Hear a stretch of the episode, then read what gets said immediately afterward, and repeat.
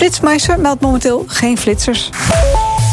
President Trump vindt dat de Amerikaanse rente niet verder omhoog mag. En hij hoort straks of we nou wel of niet in de langste beursrally in de geschiedenis zitten. Nu eerst een nieuwsupdate van half zeven met Marjan van den Berg. Goedenavond. De Amerikaanse senator John McCain van Arizona laat zich niet langer behandelen tegen kanker. Hij is de hoop op overleving voorbij, meldt zijn familie. De 81-jarige McCain heeft een hersentumor. De republikeinse politicus zit al 35 jaar in het congres. Hij had geregeld stevige kritiek op president Donald Trump. Geert Wilders heeft het volste recht om een cartoonwedstrijd over de profeet Mohammed te organiseren. Maar premier Mark Rutte vraagt zich af welk doel de actie dient. Hij zou het zelf niet doen, zegt de premier. Pakistan sprak deze week zijn ongenoegen uit over het initiatief. Rutte benadrukt dat de cartoonwedstrijd onder de vrijheid van meningsuiting valt. De 59-jarige man die in de nacht van dinsdag op woensdag met zijn auto het gemeentehuis in Bemmel binnenreed en daarbij om het leven kwam, kwam tot zijn daad door privéomstandigheden. Dat concludeert de politie na onderzoek. De man was bekend bij zorginstanties. Zijn precieze motief is niet helemaal duidelijk geworden. Max Verstappen heeft de vierde tijd neergezet tijdens de tweede vrije training voor de grote prijs van België. Kimi Raikkonen van Ferrari was de snelste. In de eerste training werd Verstappen tweede achter Sebastian Vettel. Morgen staan de derde training en de kwalificatie op het programma. En veel tips over de verdachte in de zaak Nicky Verstappen komen uit andere landen, zoals België, Frankrijk en Spanje. Maar ook van buiten Europa. Alles wordt nagetrokken, ook de onwaarschijnlijke suggesties, zegt de politie. Die heeft al meer dan duizend tips binnengekregen. Het weer vanavond en vannacht buien, mogelijk met onweer en windstoten. Het koelt af tot een graad of 11. Morgen wisselvallig bij een graad of 17. Vanaf zondag weer een paar graden warmer. De Dow Jones 0,6% hoger. De AEX sloot 0,2% hoger op 560 punten. BNR Nieuwsradio. BNR Beurswatch. Rob Jansen. Welkom bij Beurswatch, het enige beleggingsprogramma op de Nederlandse radio. Met Martine Afkamp van Vitessa Vermogensbeheer. En Richard de Jong van Van Lieshout en Partners Vermogensbeheer. Welkom. Vorige week uh, voorspelden mijn gasten een gure herfst uh, voor beleggers. Beurzen daalden toen ook. Deze week lijkt de stemming weer op het best. Wat denken jullie? Voorlopig nog flinke schommelingen of wordt het een rustig najaar, Richard? Schommelingen zullen er altijd blijven, maar we zijn positief. Wel positief. Martine? Ja, ik ben ook positief. Uh, ik denk er zit al zoveel slecht nieuws in de koersen. En dit zijn nou eenmaal een beetje, ja, een beetje kwak kwakkelmaandjes. In het cijferseizoen is voorbij. Dus nou ja, bedoel, dan komt gaan we weer kijken naar ander nieuws. Het was de week waarin Wall Street volgens sommigen in de langste boelmarkt in de geschiedenis zit. En het eind is nog niet in zicht volgens Paul Koster van de VEB, met dank aan de belastingverlaging van Trump. Dat heeft uh, de price earnings, hè, die bekende koers-winstverhouding in Amerika, teruggebracht van 18 naar 16 ja. voor het komende jaar. En daar zit eigenlijk de kracht van deze beurs op dit moment. En het was de week waarin betaalbedrijf Adyen voor het eerst met cijfers kwam. Stan Westerterp van JNVB was enthousiast. Ja, absoluut. Dit zijn cijfers die je wil zien als je, als je net in het bedrijf hebt uh, belegd. Uh, dubbelcijferige groei in zeg maar, alle kanalen. Zowel uh, de omzet als de, de operationele marge, de EBITDA zoals we het zo mooi noemen. En de netto winst. Maar ook in het aantal transacties, daar gaat het uiteindelijk om. 70 miljard inmiddels hebben ze aan transacties gefaciliteerd. En Trump nam afstand van het beleid van Fed-baas Jerome Powell. I put a very good man in the Fed. I don't necessarily agree with it because he's raising interest rates. I'm not saying that I agree with it, and I don't necessarily agree with it. I must tell you, I don't. So somebody would say, oh, maybe you shouldn't say that as a president. I couldn't care less what they say because my views haven't changed. I couldn't care less what they say. Hij vindt de rente te hoog. Hij is tegen de renteverhoging, zo moet ik het precies uh, uh, formuleren. Hij spreekt daar dus zijn onvrede uit over het beleid van de de Amerikaanse centrale bank. Um, hij wil af van die lage rente, uh, want, van, van, die, van die renteverhogingen. De dollar moet namelijk goedkoop blijven, dat is goed voor de export. Martine, heeft Trump hier economisch gezien gewoon een punt? Nou, kijk, je moet altijd kijken natuurlijk naar de rest van de economische omstandigheden. En dat is wat Jerome Powell, Powell natuurlijk vandaag ook zei in Jackson Hole. Daar gaat het natuurlijk om. Kijk, je moet iets langer kijken dan je uh, neus lang is. En hij heeft een paar weken geleden ook al geprobeerd. Hij heeft natuurlijk toen hem op de plaats gezet van centrale bankier. Omdat hij het al helemaal niet eens was met Janet Yellen. Maar ik denk dat nu de verhoudingen ook al enigszins bekoeld zullen zijn. Richard, hoe kijk jij er tegenaan? Tegen dat, uh, uh, de opmerkingen van Trump. Maak je er zorgen om? Want in feite, hij, hij- het, is, het is een beetje, hij, hij stelt zich een beetje op één lijn met Erdogan. Nou ja, kijk, zolang die niet daadwerkelijk gaat ingrijpen, eh, mag voor mij iedereen een mening hebben en iedereen roepen, zelfs de president eh, van Amerika. Eh, maar ik denk dat de Fed wel degelijk gelijk heeft door de rente te verhogen, in ieder geval de korte rente. Want het gaat gewoon economisch goed. De laatste cijfers, met name de consumentenbestedingen in Amerika, die zijn echt waanzinnig goed. Ja. Dus de economie groeit naar 4,1 procent. Ook dit kwartaal wordt weer een hele mooie groei verwacht. Ja. Dus iets meer munitie opbouwen door, een hogere rente, als het dan weer slecht gaat, dat je wat Ja. munitie hebt. Ja, ik vind het niet zo verkeerd. Ja, en je kan ook zeggen, Martien, die, die renteverhogingen tot nu toe hebben dus inderdaad die economie eh, eh, niet eh, geschaad.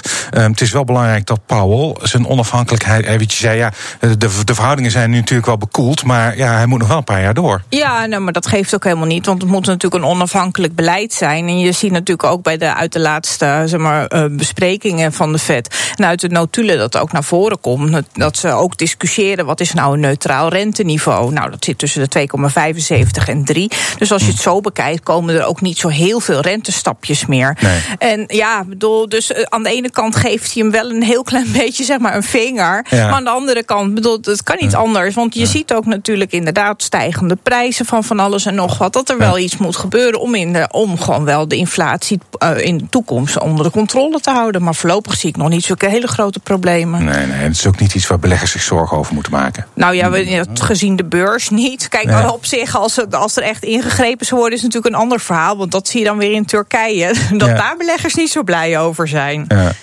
Nou, stijgende rente is in principe, zeker sparen is natuurlijk geen goed nieuws. Nee. Alleen als het zoals nu gebeurt, doordat Ja. de economie goed gaat, ja, dan is er natuurlijk geen vuiltje aan de lucht. Hm. Ik wil nog even, niet te lang, maar even terugkijken naar eh, Griekenland. Dat is sinds deze week, staat het op eigen benen. Ehm, dat wil zeggen, er gaat geen geld meer naartoe. Eh, maar ze blijven wel onder toezicht staan.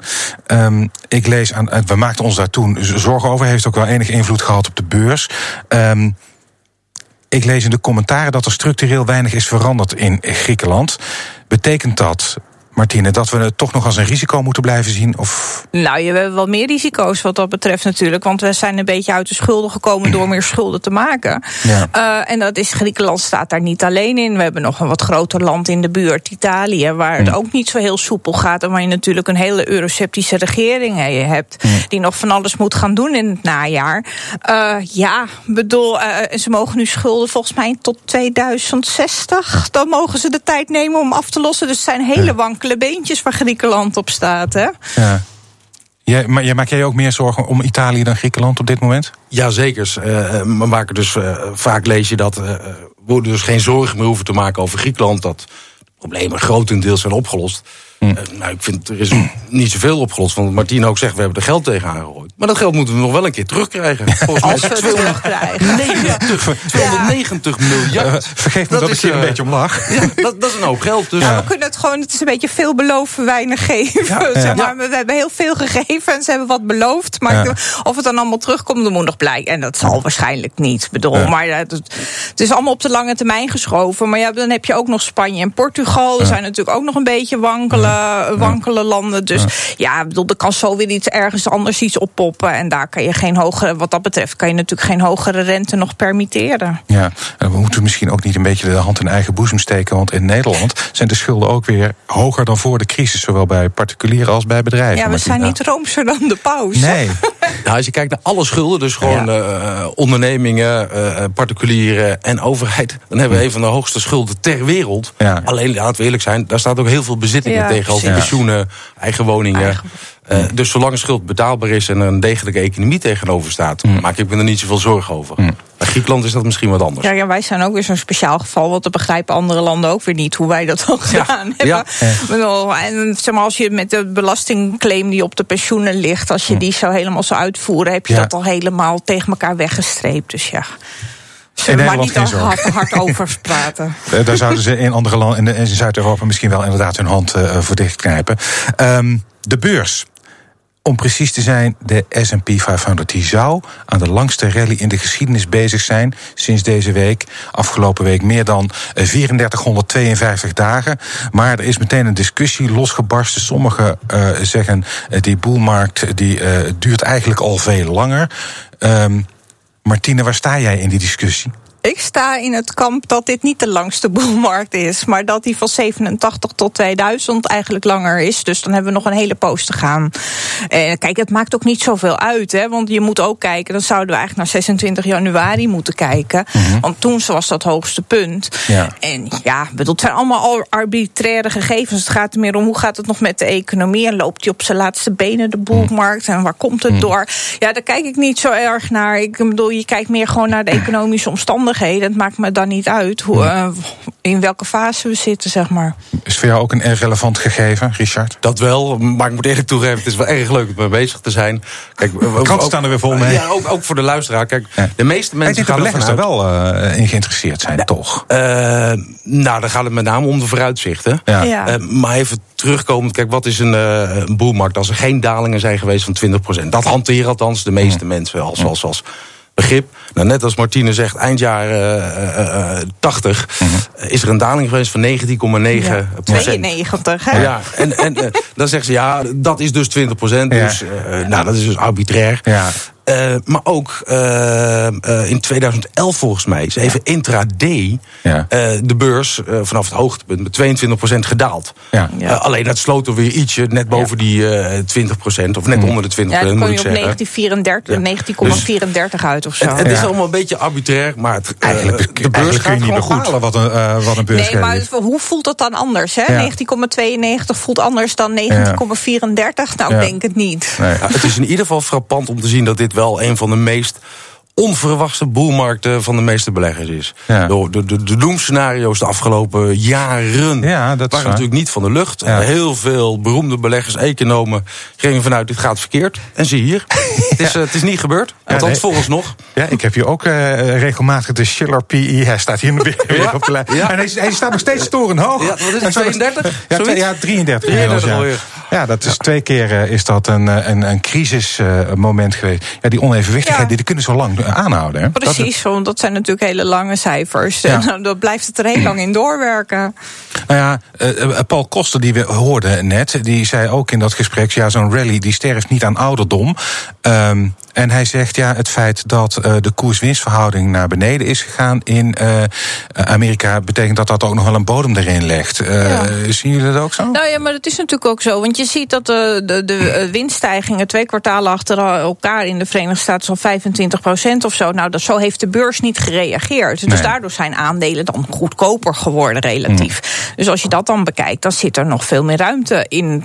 In. Maar ja, aan de andere kant kan je ook zeggen van beleggers sorteren toch een heel klein beetje voor op iets andere tijden. Want ja, ja winststijgingen van 25% zijn niet zo, het is niet zo heel waarschijnlijk dat dat vol te houden is, kwartalen achter elkaar. Ja. Ehm, eh, ik zag deze week wel voorbij komen dat het aantal bedrijven dat dit jaar meer dan 20% is gedaald, dat dat wel aan het oplopen is. Ja. Ik, hou- ik, Ja. ik probeer Ja. het nog even. Ja, ja er zitten hele mooie, mooie bedrijven, gek genoeg ook eh, eh, tussen. Twitter en een eh, Micron. En er zitten echt mooie bedrijven tussen. Maar goed, dat hou je natuurlijk wel altijd. Dat er altijd wat aandelen niet populair zijn of wat, wat minder gaat met het bedrijf. Eh overal in ieder geval eh, staan we op mooie niveaus. Waarbij je wel goed moet realiseren, er zijn wel een aantal aandelen die de kar trekken. Als je die eruit filtert, geldt zowel voor de AIX als ook voor de, eh, voor de Dow Jones of voor de Tech, voor de Nasdaq. Als die grote eruit halen. Dan ziet het plaatje heel anders uit. Eh, Maar- en is de winststijging een, Ja, eh, stuk beperkt. minder. Ja, ja. Eh, waar word je dan wel, wanneer zou jij wel nerveus worden? Wa- wanneer? Nou, als de waarderingen weer, net zoals be- begin van deze eeuw, rond de 30 eh, liggen, de koers-winstverhoudingen. Ja. Ja. dan word ik wel, wel nerveus. Want dat Ja. betekent dat er een, een aantal aandelen wel erg duur beginnen te worden. Of wanneer de rente bijzonder hard zou gaan stijgen, ja, dan moet je je zorgen gaan maken.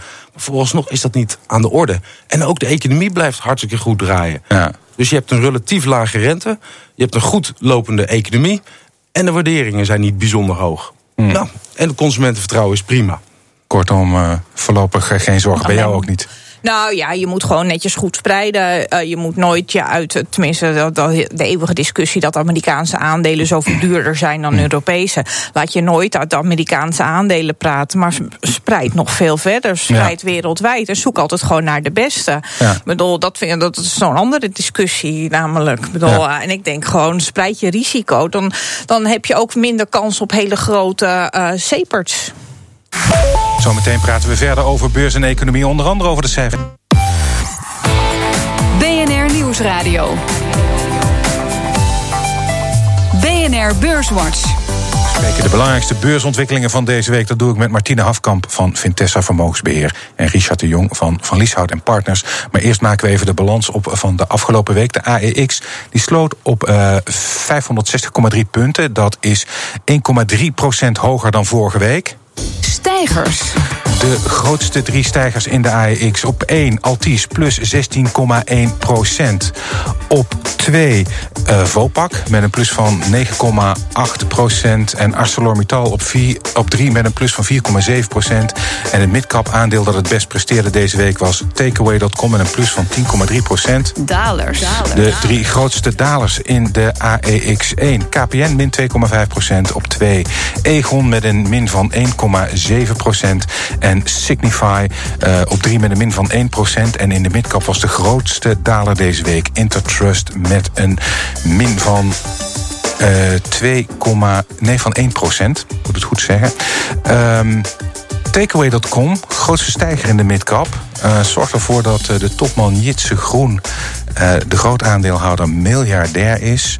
Martine, staat dat bij jou op de radar, takeaway.com? Ah, ik volg het wel, maar ik beleg er niet in voor klanten. Nee. Maar ik vind het, het is natuurlijk ook hartstikke mooi. Het is eigenlijk sinds de beursgang is het een groot succesverhaal voor beleggers die erin zitten. Ja.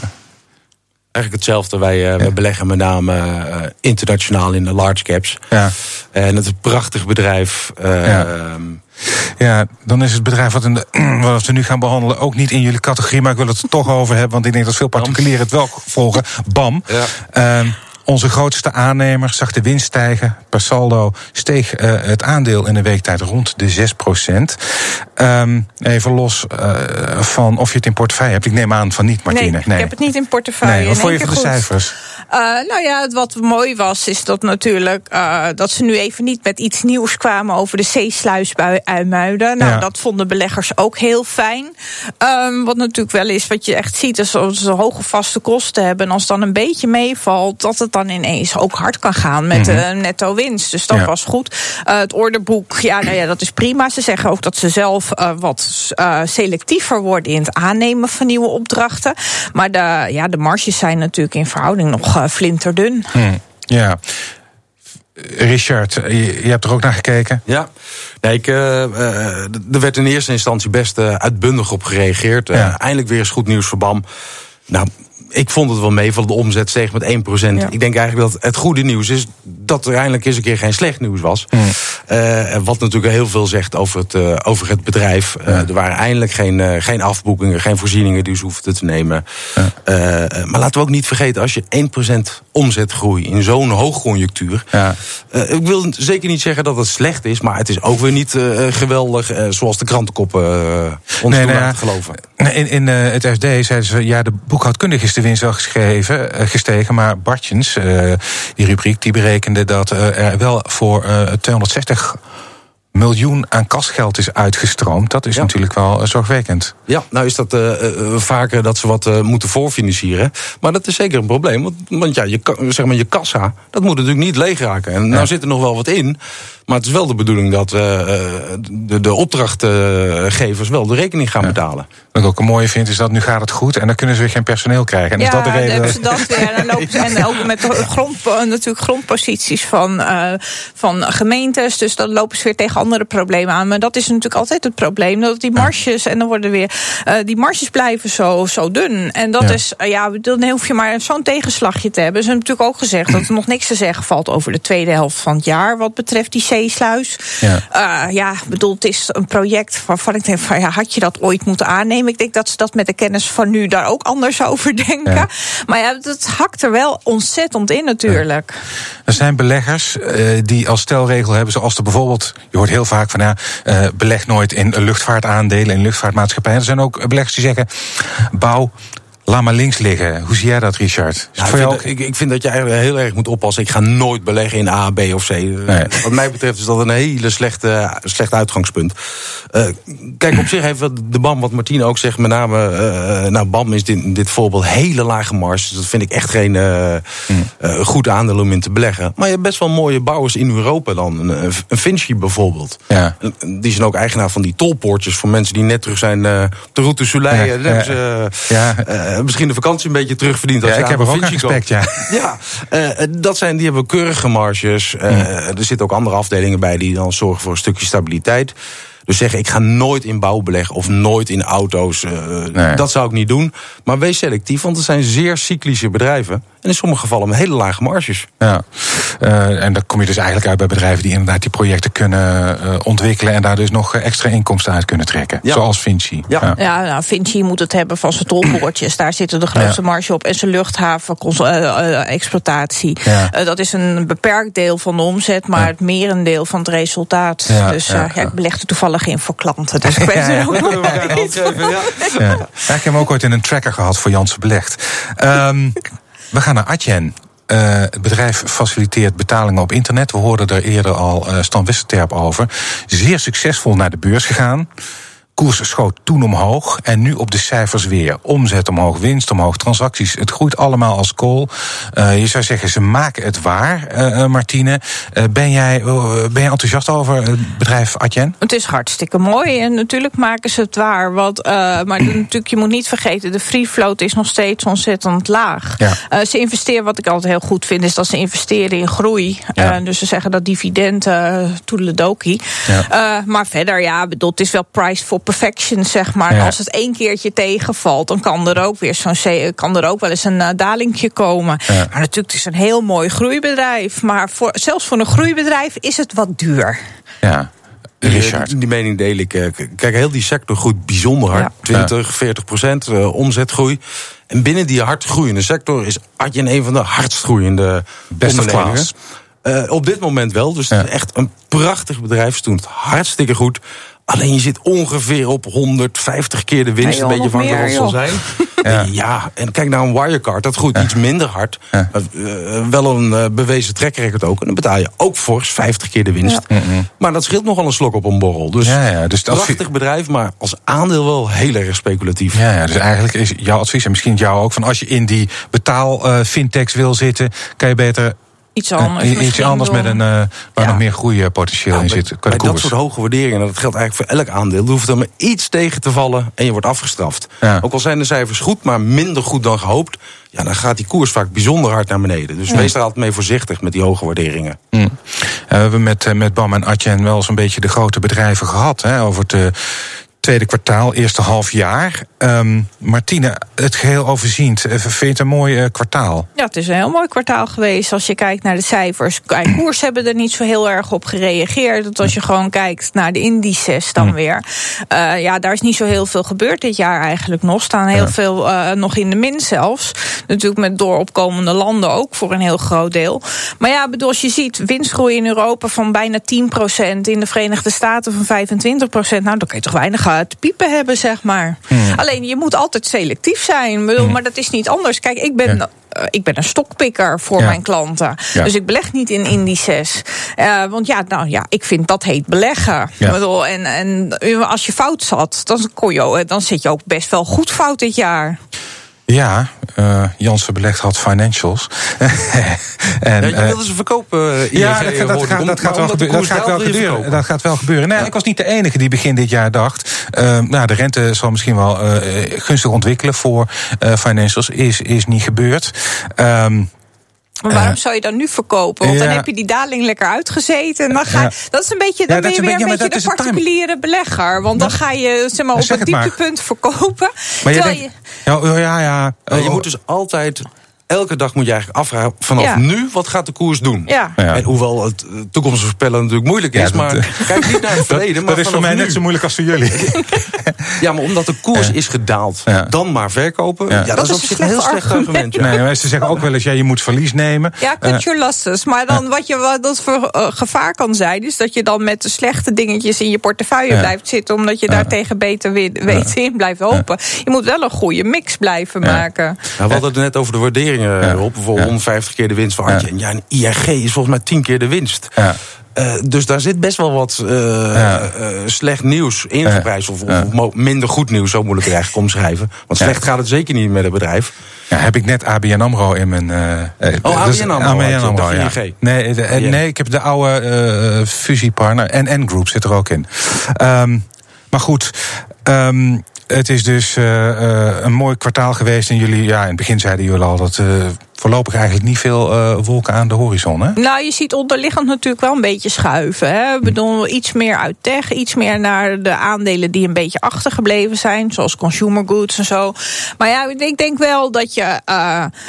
Ja, als je gewoon kijkt naar de vooruitzichten, als al is de winstgroei iets lager, dan is het nog steeds niet erg, want dan groeien die bedrijven nog steeds. En, en wat ik al zei, de koersen zijn redelijk achtergebleven. Dus ja, als er dan, kijk, zo'n handelsgedoe met zo'n Trump en eh, met Xi, dat moet allemaal niet escaleren. Maar dan heb je op zich best ingrediënten voor een mooi najaar. Ik, ik denk dat er twee mogelijke donkere wolken eh, eh, zijn. Dat zijn de renteverhogingen. Ja. Nou, de meeste, als je naar de plotindex kijkt... wordt er voor de komende anderhalf jaar vier stapjes verwacht. Eh, Dat is de consensus. Of Dat zal gaan gebeuren, is afwijken. Maar Dat hebben we het over de rente. Ja, over de vet in Amerika. Ja, Draghi is nog lang niet. Nee, die is niet zo. En eh, eh, de, de handelsoorlog met China. Ja. Eh, kijk, Mexico en Europa, dat lijkt wel een beetje opgelost. Eh, en met China, kijk, het is heel onduidelijk wat Trump nou wil. Of hij wil eigenlijk twee verschillende dingen. Eén, China moet meer spulletjes kopen van Amerika. Nou, daar is, valt volgens mij, en dat geeft China ook wel aan, wel over te onderhandelen. Anderzijds wil hij eh, dat die markt nou eens een keertje open gaat. En dat die gedwongen winkelnering, dat je als, als westers bedrijf een partnership moet aangaan met een Chinees bedrijf, dat dat is stopt. Ja. Nou, dat zie ik gewoon niet gebeuren. Dus als dat echt eh, op de spits gedreven wordt, eh, dat kan echt nog jaren duren gevolgen hebben. Maar dat zijn ook, wat mij betreft, de twee mogelijke risico's. Maar ja, dat zie je natuurlijk ook wel een beetje. Dat daardoor, kijk, door die onzekerheid, dat er soms wel orders stilvallen. Of dat je gewoon. Want er is niet echt beleid op te maken. Nou ja, en dat, dat, als dat zo doorgaat, dan zal je dat in meer sectoren gaan zien. Ehm, nou ja, eh, we- zijn bijna aan het einde van deze eh, uitzending. En dat betekent dat ik eh, jullie om een tip vraag. Jullie hebben net geschetst van, nou ja, er zijn wel wat donkere wolken. misschien, maar het gaat op zich redelijk goed. Richard, wat is dan je tip voor de belegger? Waar moet hij, waar moet hij instappen? Nou ja, ik wilde dit keer gewoon eens een keer een iets minder speculatief aandeel naar voren brengen. Ik vind dat je toch je, je aandelen, als je belegt in individuele aandelen, grotendeels moet bestaan uit de grote, degelijke ondernemingen, zeg maar de Unilevers van deze wereld. En wat mij betreft is een aandeel eh, een Microsoft. We hebben het vaak over de FANG-aandelen, Facebook, Amazon. Microsoft wordt weinig genoemd. Ja. Eh, dat vind ik een prachtig aandeel. Het heeft zich weer helemaal eh, herontdekt eigenlijk sinds eh, de afgelopen 15 jaar. Toen ze alleen maar pc'tjes verkochten. Ja. Het niet al te duur. Het groeit hartstikke goed. Leuk dividend. En bovenal een bijzonder solide en eh solvabele onderneming. Martine. Ja, ik zit ook in Microsoft belegd voor mijn klanten. maar ik kom met NX, NXP. Nu door het afketsen van eh, de fusie natuurlijk. ja. Ja, ze- in die zelfrijdende auto's zijn ze heel goed. Near-field Ja. communication. Dus ook bij contactloos betalen. Nou, de koers heeft eigenlijk twee jaar door een beetje stilgelegen. Nu die eh, overname door Qualcomm is afgeketst. eh, gaan ze 5 miljard kunnen ze gaan uitkeren aan aandeelhouders. Als een doekje voor het bloeden, zeg maar. De koers is erg teruggevallen. En je hebt wel echt een van de grotere bedrijven te, eh, te pakken. Die je nu redelijk goedkoop kan eh, oppikken. Dus daar- ik zit er net in voor mijn klanten. Kijk eens aan. Tech dus eh, deze week Microsoft en eh, NXP. We zijn daarmee aan het eh, slot gekomen van de uitzending. Hartelijk dank Martine Hafkamp van Vintessa Vermogensbeheer... en Richard de Jong van Van Lieshout en Partners Vermogensbeheer. Dit was Beurswatch. Terugluisteren, dat kan via de site bnr.nl, de app, iTunes of Spotify. En graag